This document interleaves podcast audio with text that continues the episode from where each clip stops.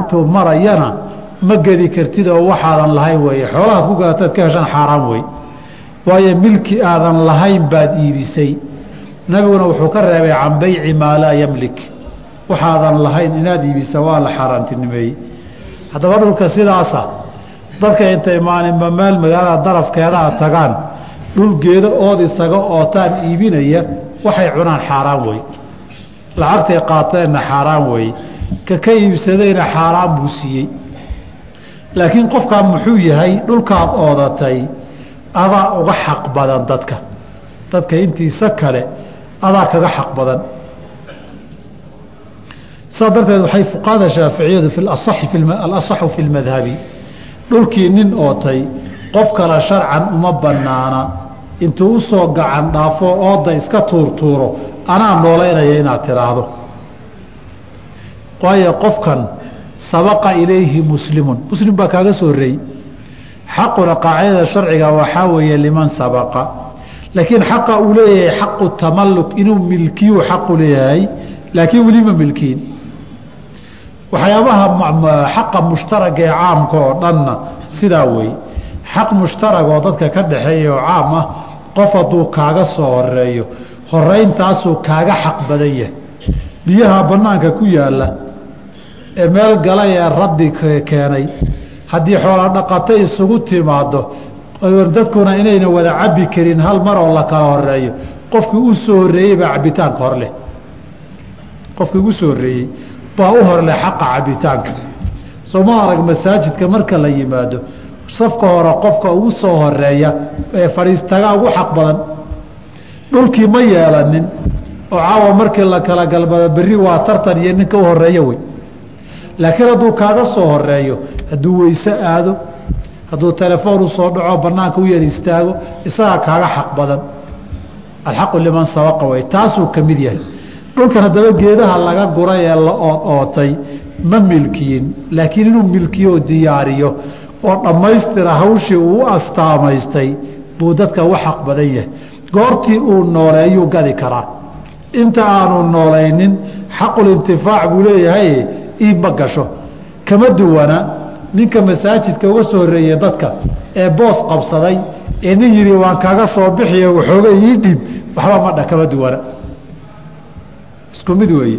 Xaquusan milkiyin oo intifaaciisa unuu ka mudan yahay dadka buu iibinayaa taasi waa masalada koobaad ninka intee leeg bay u xirnaan kartaa? Dhulkii hadduu iska oodo ninaan inuu dhisoo nooleeyaba rabin culimmada fuqahadeenna waxay yidhaahdeen masaladaa curfiga iyo caadadaa loo celin. Saan muran iyo qayla u dhicinna imaamka iyo qadaha maamulka ah baa mas'aladaa xukumi. Hadday curfan iyo caadatan dheeraato oo waktigu dheeraado digniin bay siinayaan. Qaarkood waxay yidhahdeen saddex bilood aan ka badnayn. Waxaa leeyahay dhulkan ama wax ka qabo ama dhulkan kaaga isaga xayiraan maayo. Xaq muslimiinta u dhaxeeyey inaad xayirto adiguna aadan milkiinoodan meeshay gaarsiinin kaaga kaaga iska calaamadaysnaada lama ogola. Waxay yidhahdeen muddadaas haddii uu ku fulin waayo maamulku waxay xaq u leeyihiin ciddii kaloy doonayaan inay siiyaan oy noolayso. Isagana xaqiisi isagaa ku ciyaaraye inuu nooleeyuu lahaa muddaa loo hayey waa loo sugay wuu nooleyn waayey waa lagala wareegayaa qadiyadaasay ku salaysan tahay markii xeerarka dowladaha qaarkood aad aragtaan in la leeyahay dhulkii magaalada ku yaalla. Muddo intaa la egna lagu dhisi waayo. Dowladdu tallaabay ka qaadiyo way la wareegidu. Iyadoo mararka qaarkood si yar qalloocan oo dadbana baa fiqhiga laga soo qaatay. Waxaa la doonayaa marka qofka xaqiisiina in la ilaaliyo soo horeynta dhulkiina nin waliba intuu ood meel iska dhigto aynan cimriga ha ku furto u oolin ama dhulka dhul la nooleeyo deegaan iyo beeraha ka dhigo. Ama haddii uu ka cajizay oo kari waayey dhulkii ha isaga tago. Waxay leeyiin xikmadda halkaa ku jirta waxaa weeye dhulka waxaa noolaysanaya ninkii ka bixi kara. Haddii aan saan la yeelin maalin socod iyo soddon iyo lixdan kilomitir buu wada oodanayaa hal nin waxna ma noolayn karo. Ummaddiina ciriiri buu gelinayaa. Hadda saasaa jirta sowma bal hadda halkan nodistan u gaarisa iyo magaalooyinkiiya tag. Dhowr kilomitr shan iyo toban labaatan kilomitr baad magaalada ka socono meel walba oodan tahay. Shan sanay oodan tahay lix sanay oodan tahay. Dadka sidaasi qaylyaa ma qada waa gaar. Laakiin hadday muddadaa nooleyn waayaan oo dad kale iska noolaysto waxoogay wuu ku yara xadgudbay xaqiisii oo uu sabirsiin maahane dhul milkii oos leeyahay kama qaadanin.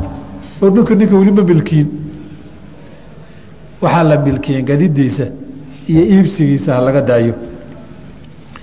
Kadib mualifku raxima allahu tacaala wuxuu yihi wayajibu badlu lmaai bialaaثati sharaa'ia halkan mualifku wuxuu uga hadlayaa mas'alo la xiriirta mawaadka. Mawaadka dhulka xaqa wax mushtaragoo la wada leeyahay weeye inta aan dhulka qof milkiyin. Waxyaaba waxaa jira haddaba aan la kala yeelan karin sida biyaha iyo daaqsinta. Iyo dabka la shitay dabka shidashadiisii iyo dugaal iyo dugsi inaad ka raadiso lama kala laha. Nabiganana calayh isalaatu wasalaam waa kii lahaa annaasu shurakaau fii alaaa dadku saddex shirkad bay ku yihiinoo nina gaaruma leh. Almaau waalkalau waannaaru daaqsintaa roobkaa dhulkaa ilaahay ku sii daayey ee dhulaan nina lahayn doog iyo cawsi ka baxay iyo dhir iyo geedo.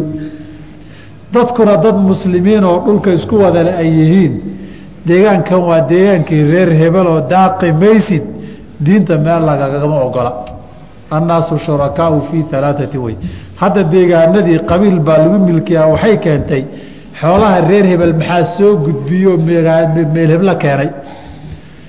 Oo dhul muslim ma ahaa reer hebel soo muslim ma ahaa qof gaara miyaa milkiyey maya annaasu shurakaau fii alaaati ninka muslimkaa dhulkaa caamka ah ee ilaahay samadiisa roobkiisii ka yimid ku baxay. Dhulkana ilaahay daaqa ka soo saaray. Daaqsintaa lagama celin karo loomana diidi karo.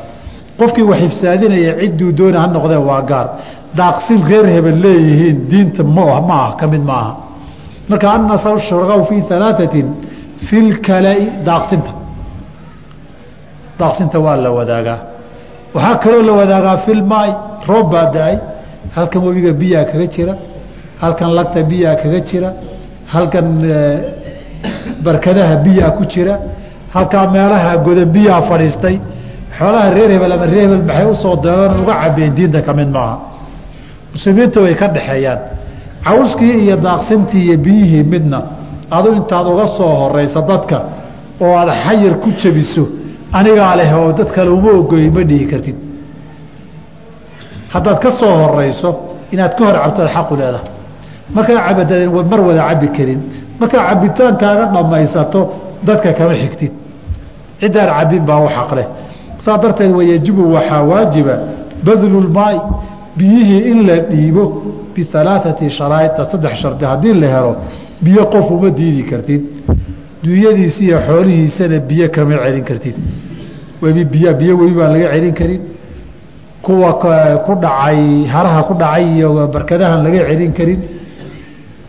Waxaan laga celin karin kuwa meelaha caaliga ee godan iska galay kuwa lagaha ama laagaha ku jiraan laga celin karin. Biyaha in la bixiya waa waajib. Mar shardiga koowaad mar hadday waajib tahay inaad bixiso laba xukun baa ka dhalanaysa. Kow dadkuma diidi kartid. Laba ma iibin kartid. Oo biyihii waan idinka gadi ma dhihi kartid. Shardiga koowaad an yafdula waa inay ka badan yihiin biyuhu can xaajatihi isaga baahidiisa. Inta adu aada u baahan tahay waa inay kaa bataan. Dadka waad uga soo horeysay biyihii baad ka cabtay. Intaad u baahan taheed cabbayso dadka u bannee laguguma laha. Laakiin adigu markaad cabtaa wixii kaa soo hara dadka uma diidi kartid kow. Wa an yaxtaaja ilayhi waa inay biyaha u baahan yihiin hayruhu dad kale.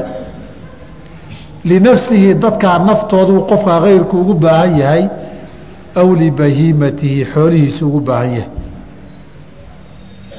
Wa an yakuuna waa inay yihiin biyuhu mimaa yustakhlafu kuwa baxbedelkoodu imanayo fii bi'rin ceel aw caynin ama il durdura.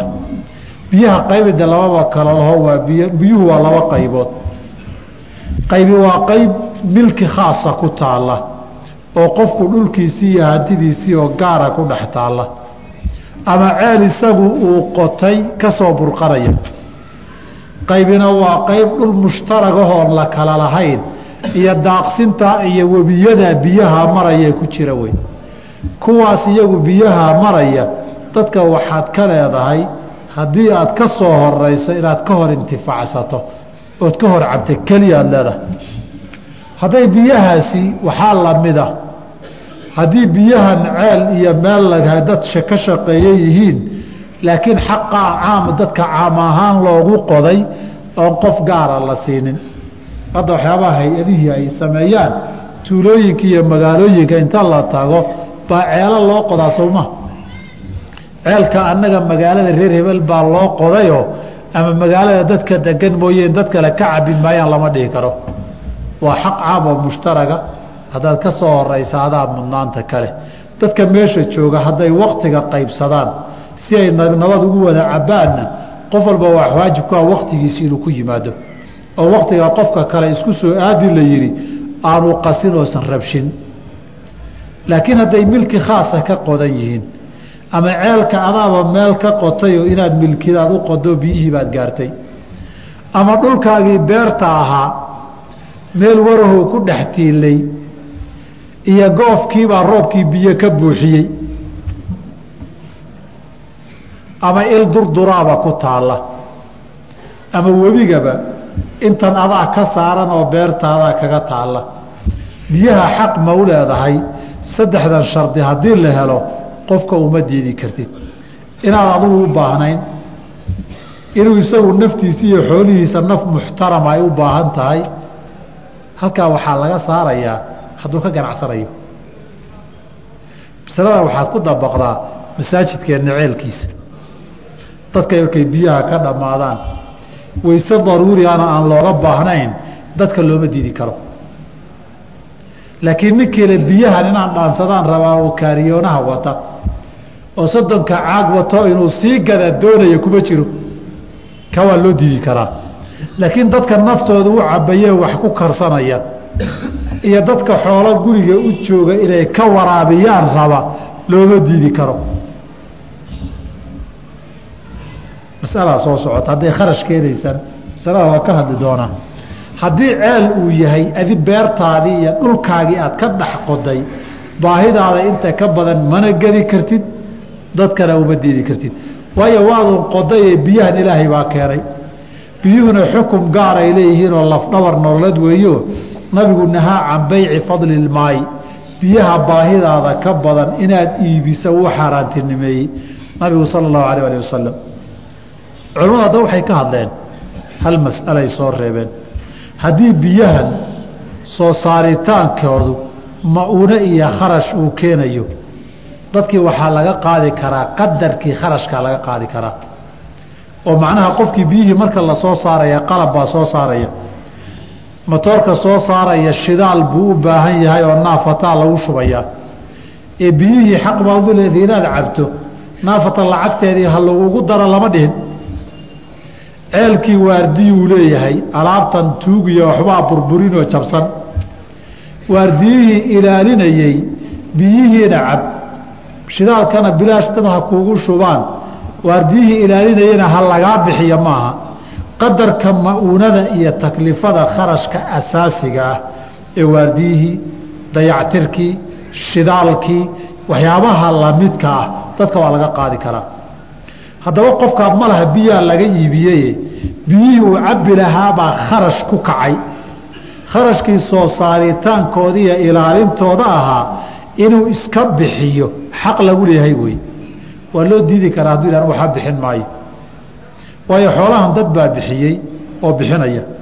Inay dadna xoolo bixiyaan isna xoolihii dadka uu bilaash ku cuno sharciga xaquma laha laakiin waxaan la ogolayn inaad miisaaniyadda qiimaha marka la goynayo waxoogay ribix iyo faa'iide iyo in lagu lagu daro. Odayaashii beeshaa joogo maamulkii degmada iyo laftoodu waxoogay shaahooday u baahan yihiine ha loogu daro ha loo dulsaara ha ka faa'iidaan. Taa way tala diidan yahay laakiin kharashkay meeshani isku wadi lahayd si mushtaragahoo siman dadka waa looga qaadi karaa. Alaa kulli xaal yajibu waxaa waajiba badlulmaayi biyihii in la bixiya waa waajib. Bialaaثati sharaa'ia saddex shardi kow an yafdula waa inay ka badan yihiin biyuhu can xaajatihi baahidiisa dantiisa. Ah wa an yaxtaaja ilayhi waa inay u baahan yahay hayruhu dadkaan isaga ahayn. Linafsihi naftiisu ugu baahan yahay aw libahiimatihi xoolihiisu ugu baahan yahay. Wa an yakuuna waa inuu yahay mimaa yustakhlafu. Wax bedel yeelanaya fii biirin ceel aw caynin ama il halkaa waxaa laga cararayaa biyihii aada soo dhaansatay ee adigu caagadda ku qaadatay ina aad cabtay ina maanta aad rabta inaad isticmaasho waa waajib inaad bixisa laguma laha. Allaahumma in qofka inuu na biyo la'aan u dhinta laga baqayo waa waajib. Haddii qofkii sakaraadayo oo biyo u sakaraadayo biyaha inta baaqigeed haysato sharcan inaad u diida ma banaana haddaan u diidana oo uu dhinto culimmadu waxay isku haystaan. Haddii qofkii biyihii aad u diiddo oo sidaa ku dhinta magtiisii ma lagugu leeyahay mise laguguma laha? Masalada usuulka ay isu khilaafaan tarkigu ma ficil baa mise ma ahay ku salaysan tahay? Haddaan madhabkii shaaficiyada iyo qaadana mutaakhiriintoodii subkiiyo ay yidhaahdeen watarku ficlu fii saxiixi madhabi. Haddaan qaadana madhabka shaaficiyada madhabkeenna iyo maalikiyadii rag ay nala qabaan subkii uu leeyahay fii jamci اjawaamic daliil baan u helay qur-aanka ah tarkigu inuu ficil yahay ilaahay baa wuxuu yiri bu qur-aankiisa fii suurati اmaa'ida kaanuu laa yatanaahawna can munkarin facaluuhu labiisa maa kaanuu ficil baa lagu magacaabay maxayna sameeyeen tarku اlamri wanahyi way iska daayeen dayntiibaa waxa lagu magacaabay ficil ay ku dambaabeen saas darteed tarkiga waa ficlu fii صaxiixi اmadhabi markaas صaxiib maraaq scuud waa ku leey lahu furuucu dukirat fi lmanhaji wasarduhaa min bacdi dalbeyti yaji. Nin markhaati lagugu lahaa markhaatigii baad ka dhuumatay inaad guddo xoolihiisiibuu ninkii sidii ku waayey. Waxay leeyiin asaxiixu hadaa dandhabi waayo markhaatiga aad ka dhuumatay waa tarki. Xoolihiisa inay lumaan adaa sabab u ah. Hadda adigu markhaatigii waajibkaa gudan lahayd xaqiisii uu heli lahaa saas darteed waa ina dandhowdaa qawaaniinta wadcigaa way qaadato ninkii markhaatinimo loo diiwaangeliyo. Meeshii maxkamadii hadduu iman waaye dembi baa loo raacdaa. Wa ficlu fii saxiixi madhabi kama foga. Marka saas darteed biyihii ninkaad u diiday madhab culamada qaar waxay qabaan in magtiisa lagugu leeyahy hadduu saa u dhinto. Sababtoo fal adu aad samaysay oo biyo u diiditaana buu u dhintay qofkii sabab baad ku lahayd dhimashadiisa. Adaa sabab u ah manaa halkaasaa biyihii la gaarsiiyey. Intaas kitaabulbuyuuc baa ku dhammaaday. Wixii halkaa ka dambeeya waxaan gelaynaa tawaabic. Tawaabicdu waxaa weeye baabulwaqfi iyo hibada iyo wadiicada iyo luqatada iyo laqiidka iyo faraa'idka iyo wasaaya. Shaaficiyada waxaan dhihi jirnay waagii hore anuu afarta rubic ee minhaajka iyo tawaabicdaan akhristay markii xerta qaalmaha laga qaadanayana tawaabicda lama akhriyi jirin. Rubuca cibaadaadka rubuca buyuuc oo halkaa ku eg rubucu nikaax iyo rubucu jinaayaat ama jiraaxaad baa loo akhriyi jiray. Nin baa wuxuu dhihi jiray faani jiray ani afarta rubac iyo tawaabicdaan akhristay tawaabicda waxa halkan loogu bixiyey waana ganacsina maaha laakiin waxaa weeye mucaamalo maal oo dadka dhex maraysa wey. Tan xoolo la waqfay wey ilaahay dartii loo bixiyey. Ta soo socotee labaadna hibe la bixiyey weeye waxaad qaadatay ood ku wedaarsatay maleh ta saddexaad waa baadi meel laga helayoo ama yar oo mar dhow la milkii ama muddo inta la yaboohiyo la yaahdiya haddana la milkii waa xoolo. Laakiin mucaawadadiiyo wax isweydaarsigii maaha laqiid baa kugu yimidoo waa ilmo carruur oo meel banaana laga helay ciyaalkanuun marada ku duuduuban. Ee maalin walba iyagoo nool dariiqyada laga qaadayo qasab ma aha inuu ilmaha sharci daraa yahay. Qayb bay ku kala duwan yihiin axkaamta ilmaha sharci darada ee xaaraanta ku dhashay iyo axkaamta ilmaha meesha cidladaa laga helay way kala duwan yihiin. Waxaa ka mid a wadiicada iyo ammaanada xoolo ammaanadu haysiiyo axkaamteeda faraaid baa ka midoo nin dhintay xoolihii la dhexlaya wey ganacsi meesha ma yaal laakiin xoolaa la kala qaadanaya oo la qaybsanaya. Wasaayaa baa ka mid ahoo dardaarankii ninka waxa ugu badanee uu dardaarmo maal wey intan oo dhan maalkii iyo xoolahay xiriir la leedahay mucaawadadii beecii acyaanta la kala gadanayee la kala milkinayey iyo ijaaraadkii manaaficda la kala iibsanayay midnana ma aha. Saa darteed ba waxay yidhaahdeen tawaabic mucaamalaadkay taabicu tahay oo maal bay ku tacalluqdaa. Buyuucdii cayaantii iyo manaaficda oo ijaaraadkii ahaydna midna ma aha. Shabahna kuma laha. Saa darteed baa tawaabic loogu bixiyey. Faslun fi lwaqfi xoolaha waqafka ah. Waqafku sidiisaba waa shay aad u wanaagsan oo shariicadeennu adaygu u gubaabisay qofkuna haddaad wax ka tegayso xoolahaaga wax uun wax lafihiisu jiro midihiisa ajirkana kuu socdo ifkiiyo adduunka kaga tag wey.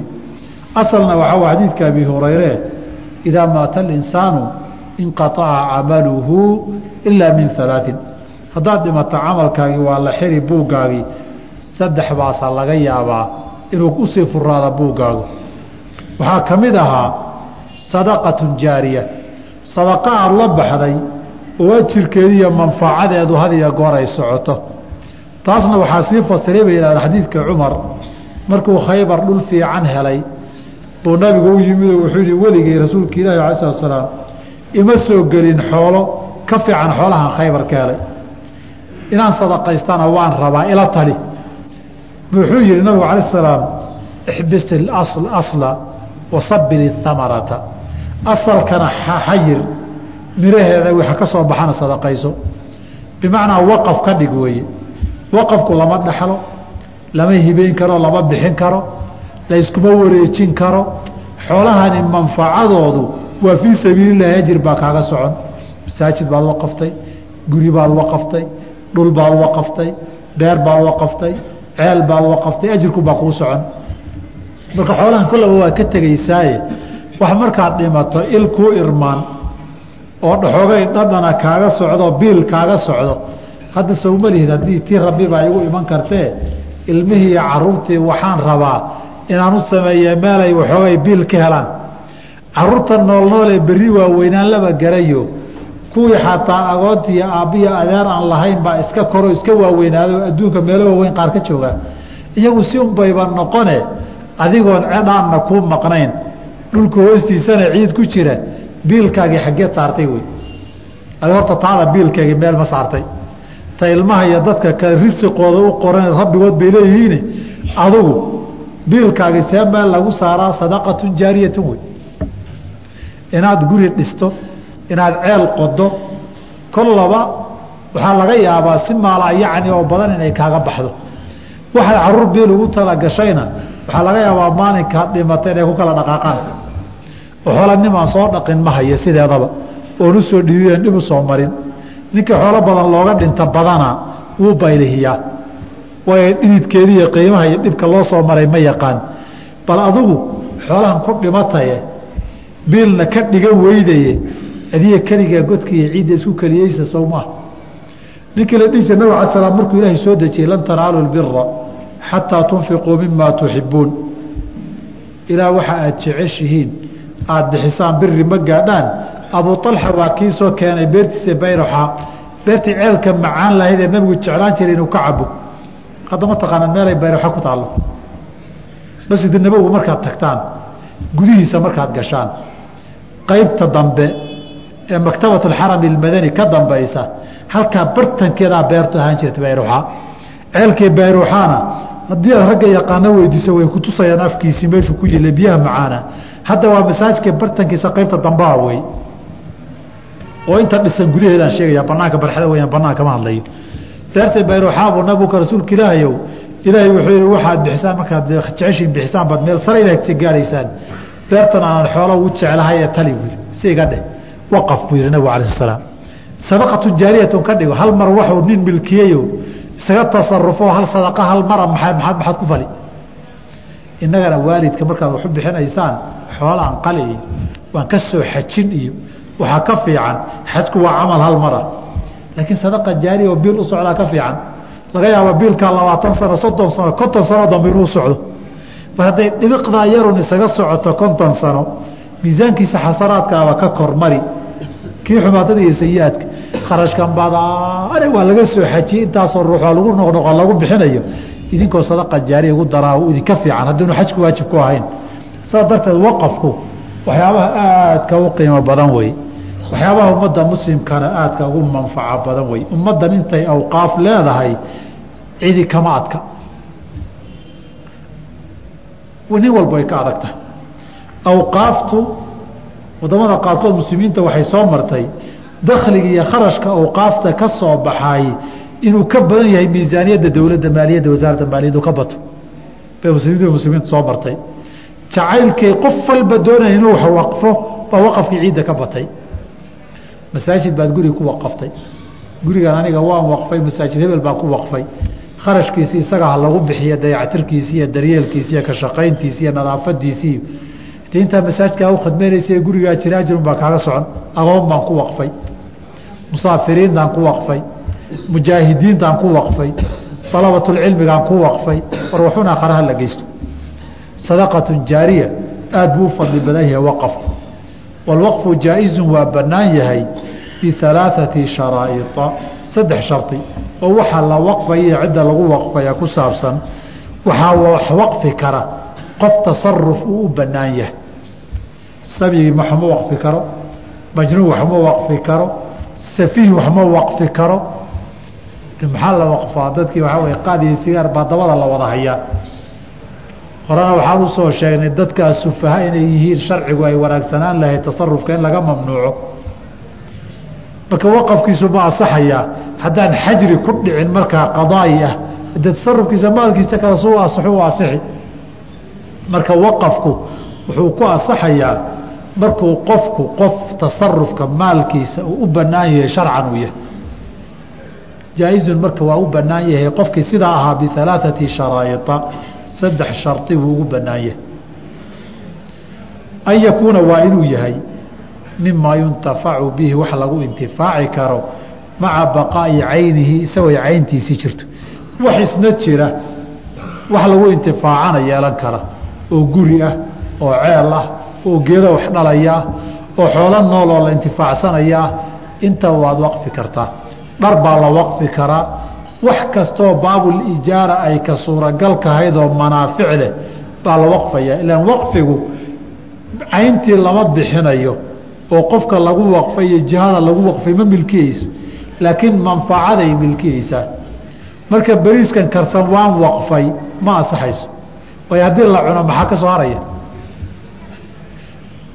Galaaskan iyo caagadan caanaha aan waqfay waad sadaqaysatay. Adu magaca dooni u bixi sadaqa caadiya wey waqaf maaha waxani wax intii la intifaacsado isagiina sii jiray muddadu dooniba ha jiree waa inuu noqdo inay xataa dharki iyo waxaa yaryar waqafka gelayaan dhulka intaasoo xadiid baynu soo marnaye waxaa ka mid a xadiidkii nabiga calayi salatu salaam looga soo dacwooday saddex nin oo zakada bixin waaye waxaa la yidhi ninkii adeerka ahaa ee cabaas ahaa kowdhe.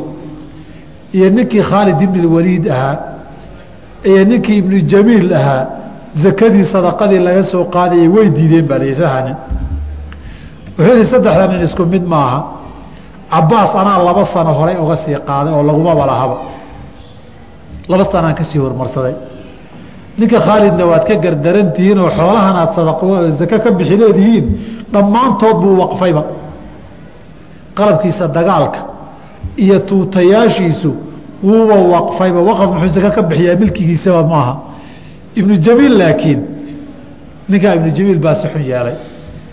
Waa nin aargoosanayao ciil qaba buu nabig alai salaam faqiir buu ahaan jiray ilaahay baa xoolo siiyey ciil buu qaba waawaro maxaad faqiir iga dhigtayoo hadda sadaqadii bixi aaday tari bixin maayo ku argoosanayaa buui kaabiran can kaabirin buu leey ninka haddii la weydiiyena xoolahan kacab kacab baa ka soo dhex manaa weligay faqri arkay wy sida saddexdii alaqrac iyo walabras iyo walacma qisadoodii buu geli.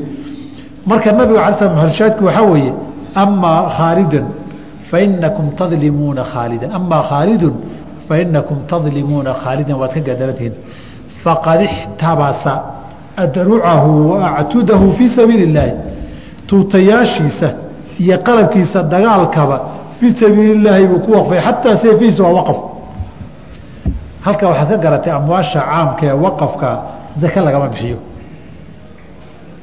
maalka waqafka iyo amwaasha jamciyaadka khayriga iyo maalka dowladda iyo zake kama go-do waayo zakada markii la bixiyo meelihii la geyn lahaa wey waa maal caama maalik khaasahoo hani iyo faqiir ku ah oo min akhniyaahim baa laga qaadi la leeyahay ma jiro. Faturadu fii fuqaraa'ihim ma laha. Saa darteed waxaasoo dhan wuu galaa. Laakiin bishari wax lagu intifaaci karo oo manfacala waa inuu yahay. Cayntiisuna manfacada marka lagu intifaaco ay baaqi noqon. Wa an yakuuna waa inuu yahay cidda lagu waqfayaay calaa aslin mawjuudin asal jooga. Iyo wa farcin farca laa yanqaicu sida badan dabargo-aynin. Way baabi'i karaan. Adiga markaad waqfayso horta qof jiro oo jooga waa inaad ku waqafto. Ilmaha dhalan doonaan ku waqfay lama ogola. Horta ha dhasho dhalan doonaaba. Ilmaha caloosha ku jiraan ku waqfay ma la ogol yahay. Ilmahaasi ma joogaa mise ma joogo? Ku joogaa saa darteed baa aabihii hadduu dhinto dhaxalka waxbaa loo dhigi. Xaq buu yeelan karaa waan lagu yeelan karin laakiin ilmaha caloosha ku jira. Ilmaha calool ku jira saa darteed madhabku waa lagu waqfi karaa wey. Haddaba saa darteed shay macduumahoon jirinba kuma waqfi kartid. Waxaad ku waqfi kartaa laakiin qof jooga qof aad jooginsa waad ku dari kartaa tabac qaacidadii waxay noqon yukhtafaru fi tawaabici maa laa yukhtafaru fi lusuuli. Waxaad leedahay hebel baan ku waqfay isaga gadaashiina caruurtiisa. Caruurtiisa gadaashoodna caruurtoodaan ku waqfay. Ama ciyaalkaygaasaan ku waqfay. Hadday dhintaanna kuway sii dhali doonaan. Kuwa kuwa ka dambeeyay sii dhali doonaan dhulka gaad ahaan dhulalku. Dhulku waa taarikh waa cimri dheeriya saa darteed haddii ay wax sii jiraan oy sii kala dhaxlaan waxaa weeye waqafkii way sii kala dhexlayaan caynta yeelan maayaan laakiin intifaacay yeelanayaan ama aad ku waqafto jiho badana aan la waayeynin fuqaradaan ku waqfay. Sida caadiga haalib dadka dad fuqaraa lagama waayo.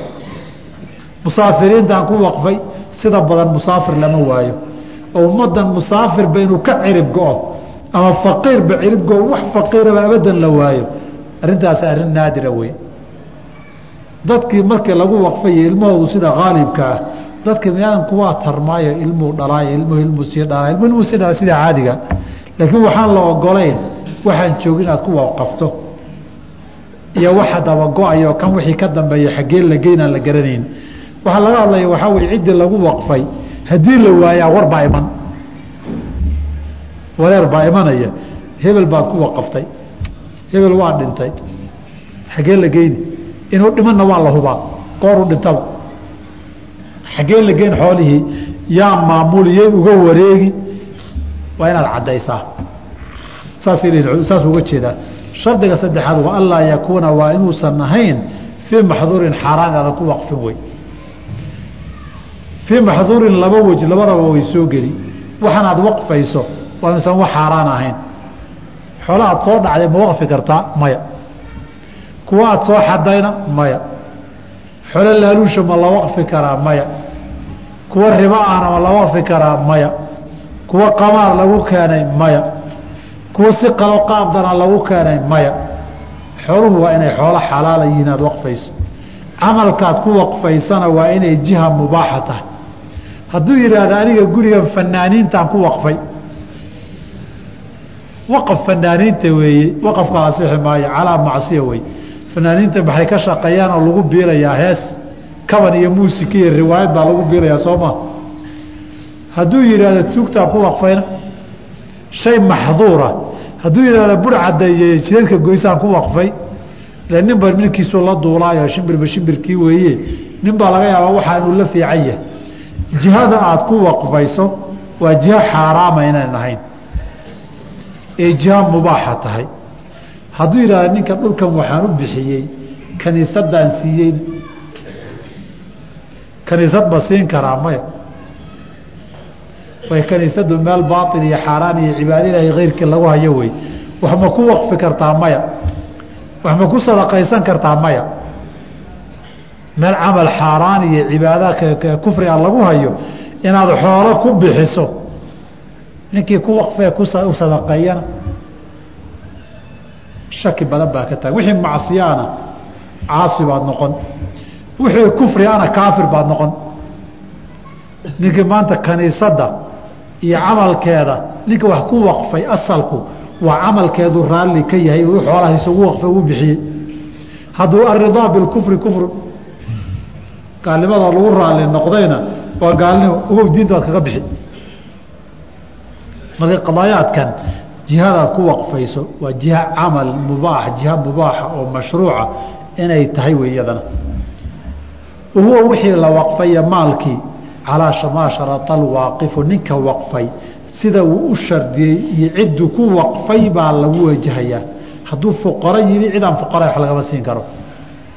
Hadduu masa hadduu yihi ardayda iyo alabatulcilmiga cidaan alabatulcilmiga wax lagama siin karo hadduu yihi musaafiriinta cidaan musaafir ahayn lama siin karo. Hadduu yihi mujaahidiinta cidaan mujaahidiinta ahayn looma sarfin karo xoolahaas. Huwa maalkuna calaa maa sharata alwaaqifu. Ninkii waqfay wuxuu shardiyay noqon. Min taqdiimin dadka sida loo kala horeysiinayo aw taakhiirin sida loo kala dambaysiinayo aw taswiyatin sida loogu simayo aw tafdiilin loogu kala badinayo. Xoolihii meeshii ka soo baxay baad qaybin kartaa waxaad qaybin kartaa dadku say u kala mudan yihiin. Xoolahan waxaan ku waqfay dadka dalabatulcilmigaa dheh.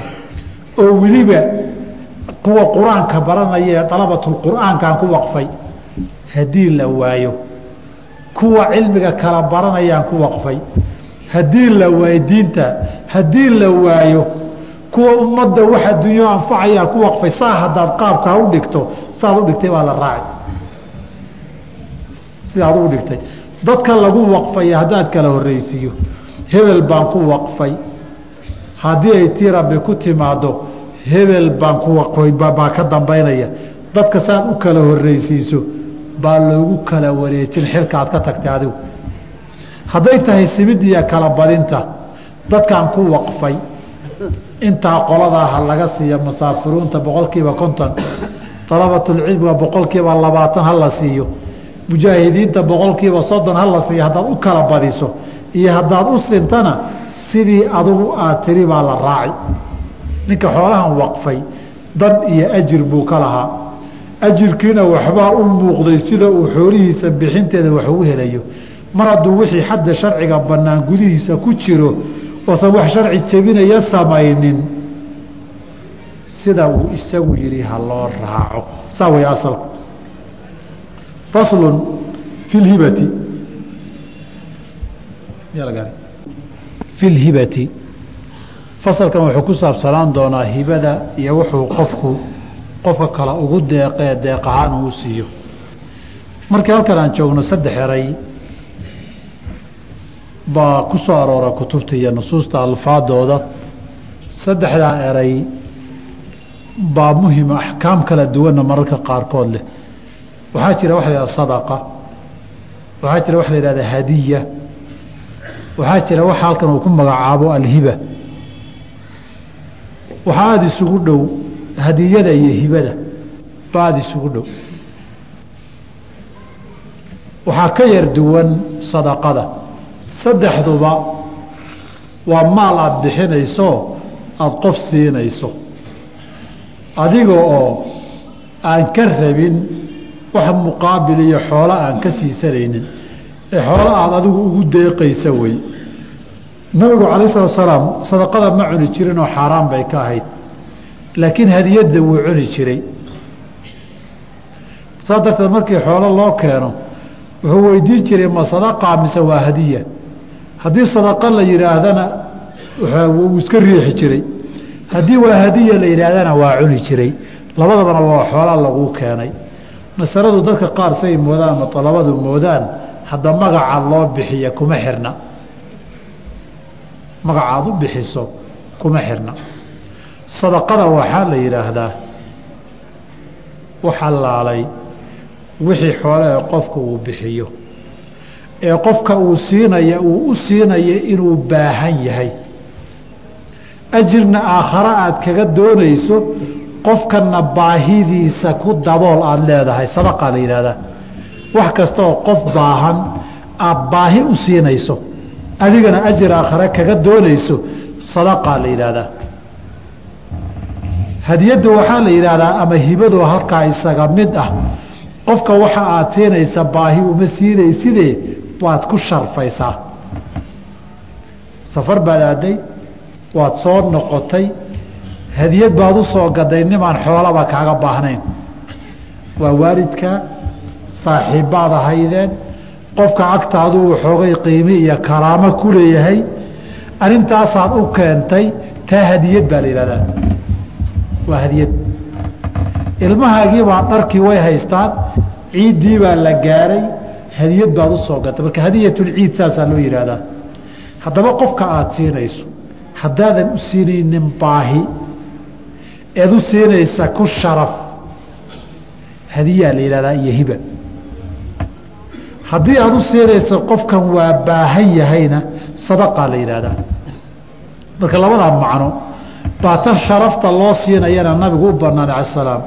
Tan misbaahida loo siinaya waxay xambaarsan tahay waxoogay qof yar miskiinaho iska yar tabardaranoo in la taakuleeyo mudanoo adu aad waxoogay ku dhaantood ka roon tahayo maqaamkaa nabiga in la geeyaa loo diiday calayh salaatu wasalaam oo loo siiya wuu iska baahan yahayo waa miskiin aan waxba haysanino. Abucitaahiyana waa kii lahaa waman kaana daa sicatin fi lghinaa yucadam waman yaftaqir yuxtaqar. Ninkii xoolo haystana waa la weyneyn. Waman yaftaqir ninkii caydhooba yuxtaqar waa la liidayaa ninka sadaqada la siinaya waa nin waxoogay dadka wuu kaa yar baahan yaho isagaa kaa darane ninkan xoolaha lagu siiya ninkaas yaa wax siiya ninkaa uu baahanya wallahi ka fadhidaa. Dadka mujtamaca bini aadamka abiicadooda waxay tahay qofka sidaasa waxoogay waa la yar liidi. In nooc noocaasa nabiga inte la siiya calayh salaa slaam limaqaamihi wa uu waxaa cunaa sharcigu lihaadihi اxikmati baa loo xaaraantinimeeyey laakiin waxa aad u keenta qof aad sharfaysood qadarinaysaay taasi madax baa la siiyaa qani baa la siiyaa qof kaa xoolo badan baa loo keenaa sowma nimaad aad saaxiib u tihiin haddaad hadda intaad xumraysatay xaramka aadaado waxaad ka xishoonaysaa adoo waxu weyda inaad timaado laysa inuu baahan yahay. Laakiin waxaad rabtaa inaad ka cabirta taqdiir can xubika walaaika jacaylka iyo wanaagga aad u haysa adoo safar oo meel heblo joogay xataa inaad soo xasuusatay adoo safar oo laga yaabo sahayd inay kugu yar tahay oo xaalad ku haysato inaad halmaami weydeen ninkaas inaad jeceshahay inaad u muujisaa rabtaa. Tan waa kala duwan yihiin marka. Maalka qaabkaa loo bixiyaa hadiya la yidhaahdaa culimada qaar hibada iyo hadiyadu waa isku mid bay leeyihiin qaarna waxay leeyihiin maya. Hibadu way ka caamsantahoo labaduba way soo galaan. Waa magac caam oo sadiiqada iyo hadiyada la isku wada yidhaahdo in haddii hadiyad weeye aynu nidhaahno sadaqa loogama jeedaa kol labee arintan in la sameeyo lagu dadaalaye way fiican tahay. Way fiican tahay. Nabigaana ku dardaarmu yidhi casan tahaadu taxaabu hadiyadda isa siiya. Waa jeclaanaysaan. Ninkaa dadka ugu necbayd hadduu maanta intuu ku soo maray hadiyadkaaga isaga keeno. Oo mudda marka laga joogo hadiyad kuu keeno. Waadu jeclaan marka dambe qisadii ulaqaau maka aqrac ibna xaabis iyo raggiisii safaan ibnu umaye soomaliya dhihin waxaan arkay wejigiisa nabi maxamed aan ugu necbaa si waxii siinayeen baan dadka ugu jeclaaday. Waa ka ilaha jubilat nufuusu calaa xubi man axsana ilayha wa buqdi man asaa. Qofta bini aadamka waxaa ku beeran inuu jeclaado qofkii wax wanaagsan u sameeya qofkii waxa ku sameeyana uu naco walidaalika nin baa wuxuu ii sheegayey wadan muslimiintu leedaho niman gaalaha qabsadeen baa wadaadda loo qoray mushaar nin baa oo yidha gaalka intaan u tago mushaar ka qaadan maayo. Maxaa la yidhi? Maxaad wadan leedahay? Maxaa u diiday? Wuxuu gaalka hadduu isiiyo isiiyo isiiyo waan jeclaan soo maaha buuri hadal baa laga hayaa marka wuxuu yihi reerka iyaga reer hebel haddaan nahay saddex nin baana bi'isay qofay ciddu eedeen oo suldaankooda ah iyo culamaa usuu oo hebel iyo hebel oo gaalo mushaar ka qaata iyo caliyo fudlaabo oo inta kaleo warwah labadan aan jac iska dhahlay dhihi weyde intaasa reerka naga baabiisay baa laga sheegay ninkaas. Taa inay xaqiiqo tahay waxaan soo ogaanay galbeedkaan tagnay. Dadkii caydhan la siinayey si wax loo siinaya caradii gaalada baaba laga furfuri laaya gaaladii bay iska jeclaadeeno waxoodii wadankii bay iska jeclaadeeno meel wax lagaa siinayo bilaash lagugu siinayo waadun iska jeclaan soo maa gaalka hayga taabanin. Hayga caayin bay maraysaa. Saa darteed xoola siinta sharcigu tahaadu taxaabu war isu hadiyeeyo waxisa siiya oo xoolaha isku sharfa waad isjeclaanaysaan wa kullu maa jaaza wax kastoo uu bannaan yahay baycuhu in la iibiyo. Jaaza waxaa bannaan hibatuhu in la bixiyaa bannaan wax kastoo beec geli jiray oo maal ahaa ama beycu cayn ha noqdo ama beycu manfaca ha noqdee sadaquu galaa oo hibuu galaa walaa yalzamu ka dhalan mayso. Talzamu ma laasimta hibadii alhibatu hibadii ilaa bilqabdi. Sadaqada la bixiyey laba qaybood bay kala tahay. Sadaqada waqafka ah iyo sadaqaadka kalea kala duwan baabulwaqfi inaad ereyga ku dhawaaqdo xoolahan inaad waqaftay buu milkigaaga kaga baxaa baabulhibati iyo sadaqaadka acyaanta lagu sadaqeeyey milkiyadiibaad wareejinaysaa. Waqfiga laakiin milkiyadda ma wareejinaysa. Waqfiga milkiyaddu rabbi baa iskale subxaana wa tacaala. Adiguna malihid jihadaad ku waqaftee manfacada lehna caynta milkiyaddeeda ma laho. Kala dhexli maayaan hadiyadiisu ma siin karaan ma bixin karaan. Laakiin sadaqaadkan kaliya hibadiiyo hadiyaddu qof baad milkiyadeedii ku wareejinaysaa. Tan milkiyadda la wareejinaya waa inuu kaa guddoomaan bay ku asaxdaa tan kale laakiin inaad waqaftay inaad sheegtay milkigaa kaga baxdaa. Haddaad dadka soo kaxaysto oo tiraada dhulka waan waqfay ogaada ifka intaad ku soo nooshay milkigaa ku soo noqon maayo. Milkaaga wuu ka baxay milki ilaahay buu galay milki ilaahay ciddii ka soo gadi lahayd ee kaaga soo wareejin lahayd baa la rabaa. Wallaahi niyow arrintii way ila yar adkaatay. Haddaad tiraahdo intifaaca dhulkaa intifaacsato dhacaya xaaraan wey dhul ilaahay lahaa oo xaq caama ahayd oo jiho gaar aad ku waqaftay baad xoog dib ugu qabsatay xaaraan baad cuntay xoolana waa dhacday. Sharciga. Waa baabulwaqfi markay tahay wey inta aadan dhabkaa noqonin gurigan iyo dhulkan waan waqfay inaan waqfaan damacsanahay waqaf maaha. Laakiin dhulkan waan waqfay haddaad tiraahdo dib uguma noqon kartidoo milkigaagina waa ka baxay. Ciddaad ku waqaftayna manfaca yeesheene milki ma yeelanin. Milkiga lilaahi subxaanahu wa tacaala haddaba waxa taas taa looga dhigay milkiga ilaahay ku wareegaya cid kuwii maruu kaa guddoomi miyaa jirta? Oo min waraai xijaabinti rususha inaad noqon maahane si kaloo adiga rabbi hadal idii wada dhexmari miyaa jira. Taa waa si otomaatig haddaba milkuu kaa guuri sadaqaadka iyo hibada iyo hadiyaadku laa talzamu lhibatu ilaa bilqabdi inuu kaa guddoomo maahane. Waxay u daliishadeen xadiid daciifa oo xaakim baa wariyay ay leeyihiin. Oo uu leeyahay nabigaa hadiyad u diray calayhi salaatu wasalaam najaashi. Hadiyaddii oon gaarin buu dhintay markaasuu nabigu umu salama ku yihi umu salamay ninkii najaashi ahaa waa dhintay hadiyadiisiina way soo noqon ee idinku qaybsada. Xadiidkaasi aada bay fuqahada shaaficiyada iyo keyrkood u soo daliishadaan laakiin xadiidku ma sugna. Laba ciluu leeyahayoo marna waxaa ku jira nin faqiihayo muslim bni khaalid zinji la yihahdo daciifu lxifdi ah marka labaadna muuse bni cuqbata baa can ummihi ka warinhayaa oo majhuula oon la garanayni waxay tahay.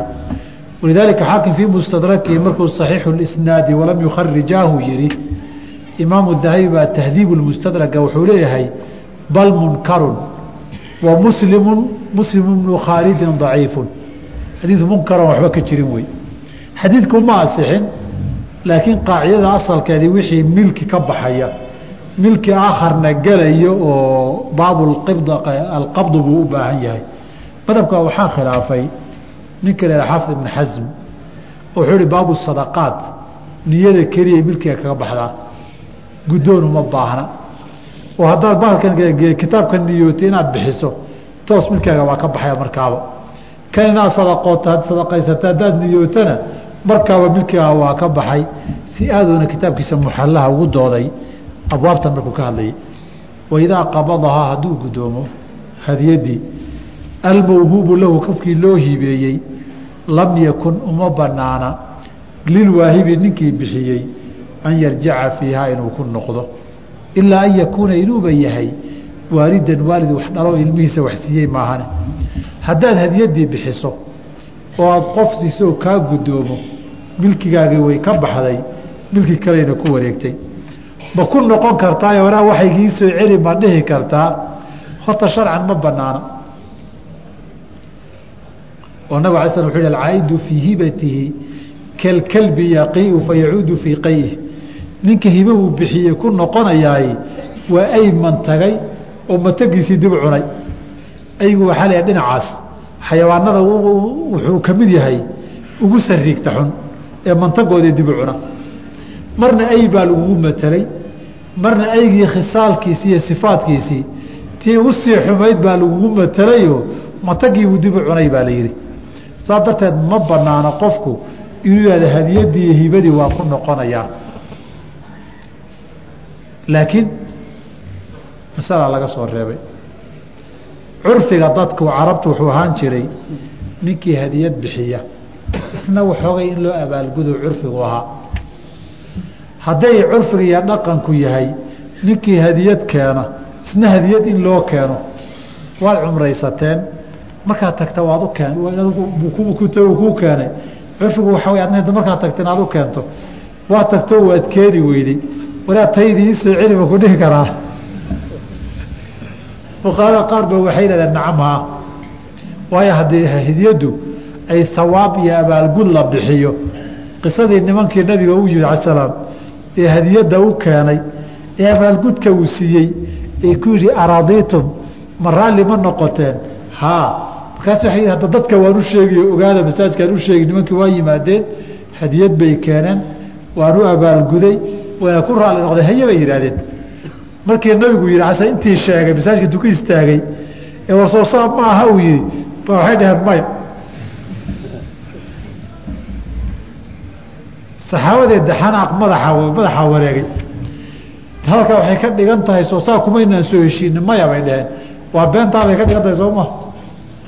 Laakiin nimanku xadiidu cahdi bilislaami bay ahaayeenoo looma qabanin kufrigaas. Dadkiibaa buuqoy bes bes buu yidhi iyagii buu celiyey uu u soo daray. War hadda ka warrami waa okay bay dheheen dadka haddaa u sheega amaad sida ugu samaystaa buu yidhi maya maya bay yidhahdeen mar labaad buu dadka hor nimanka waa isku noqonay waxbaan ugu daray way raalli noqon soo saas ma ahaa bay yidhahdeen.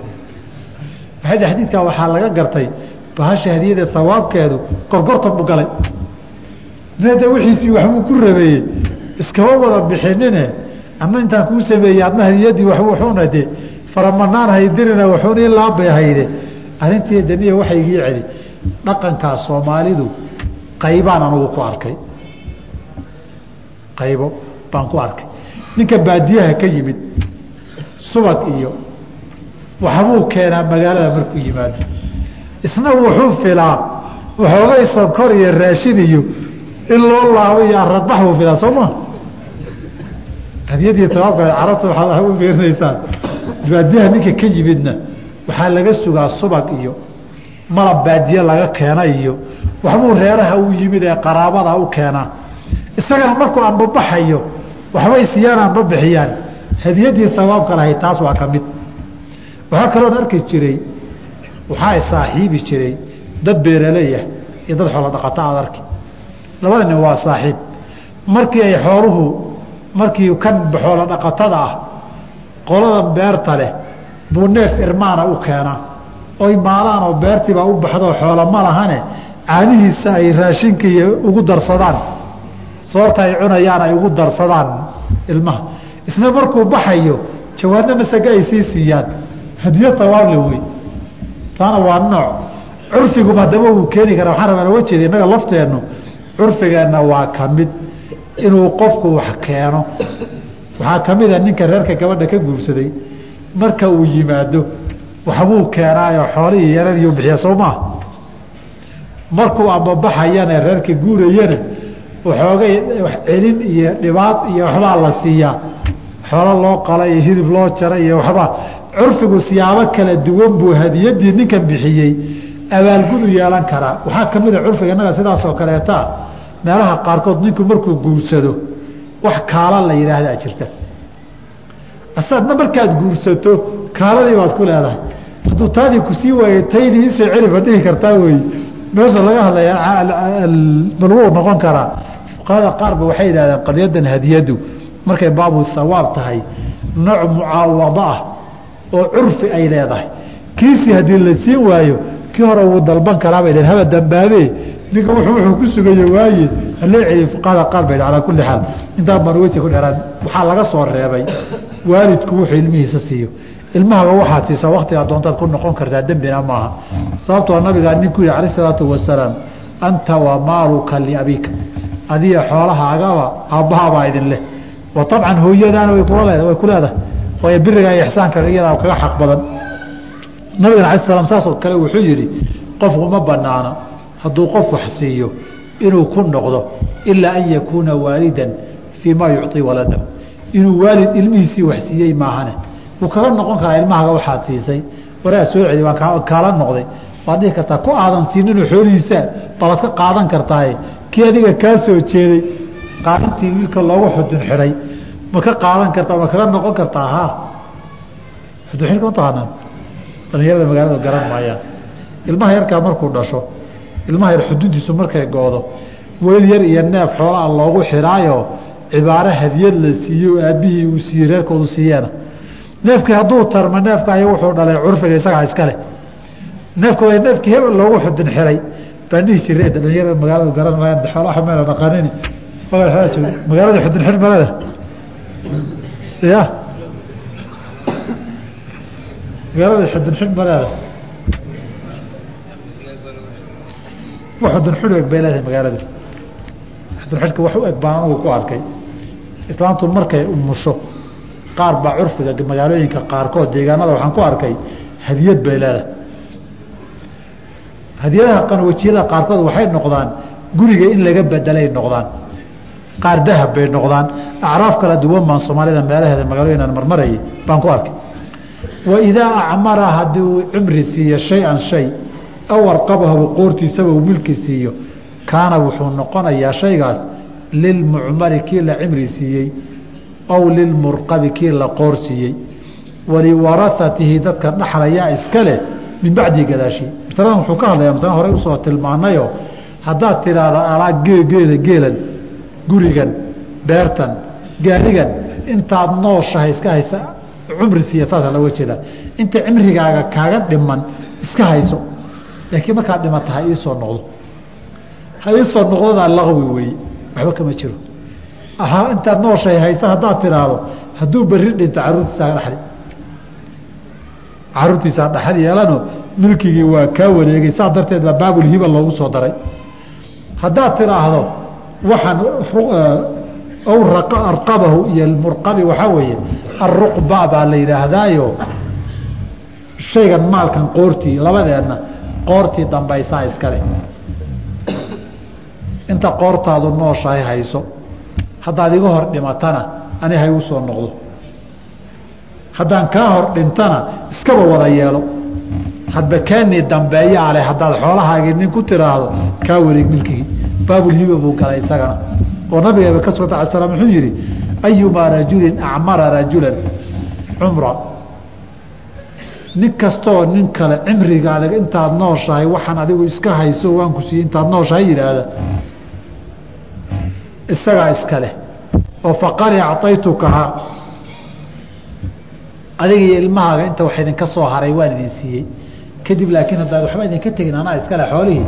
Dadkaa la siiyaa iskale kile ninkeeni kolba dambeeyaa iskale haddaad dhahdana ninka xoolaha isagaa iskale labadaba baabulhiba bay soo gelayaan. Oo xoolo aad bixisay.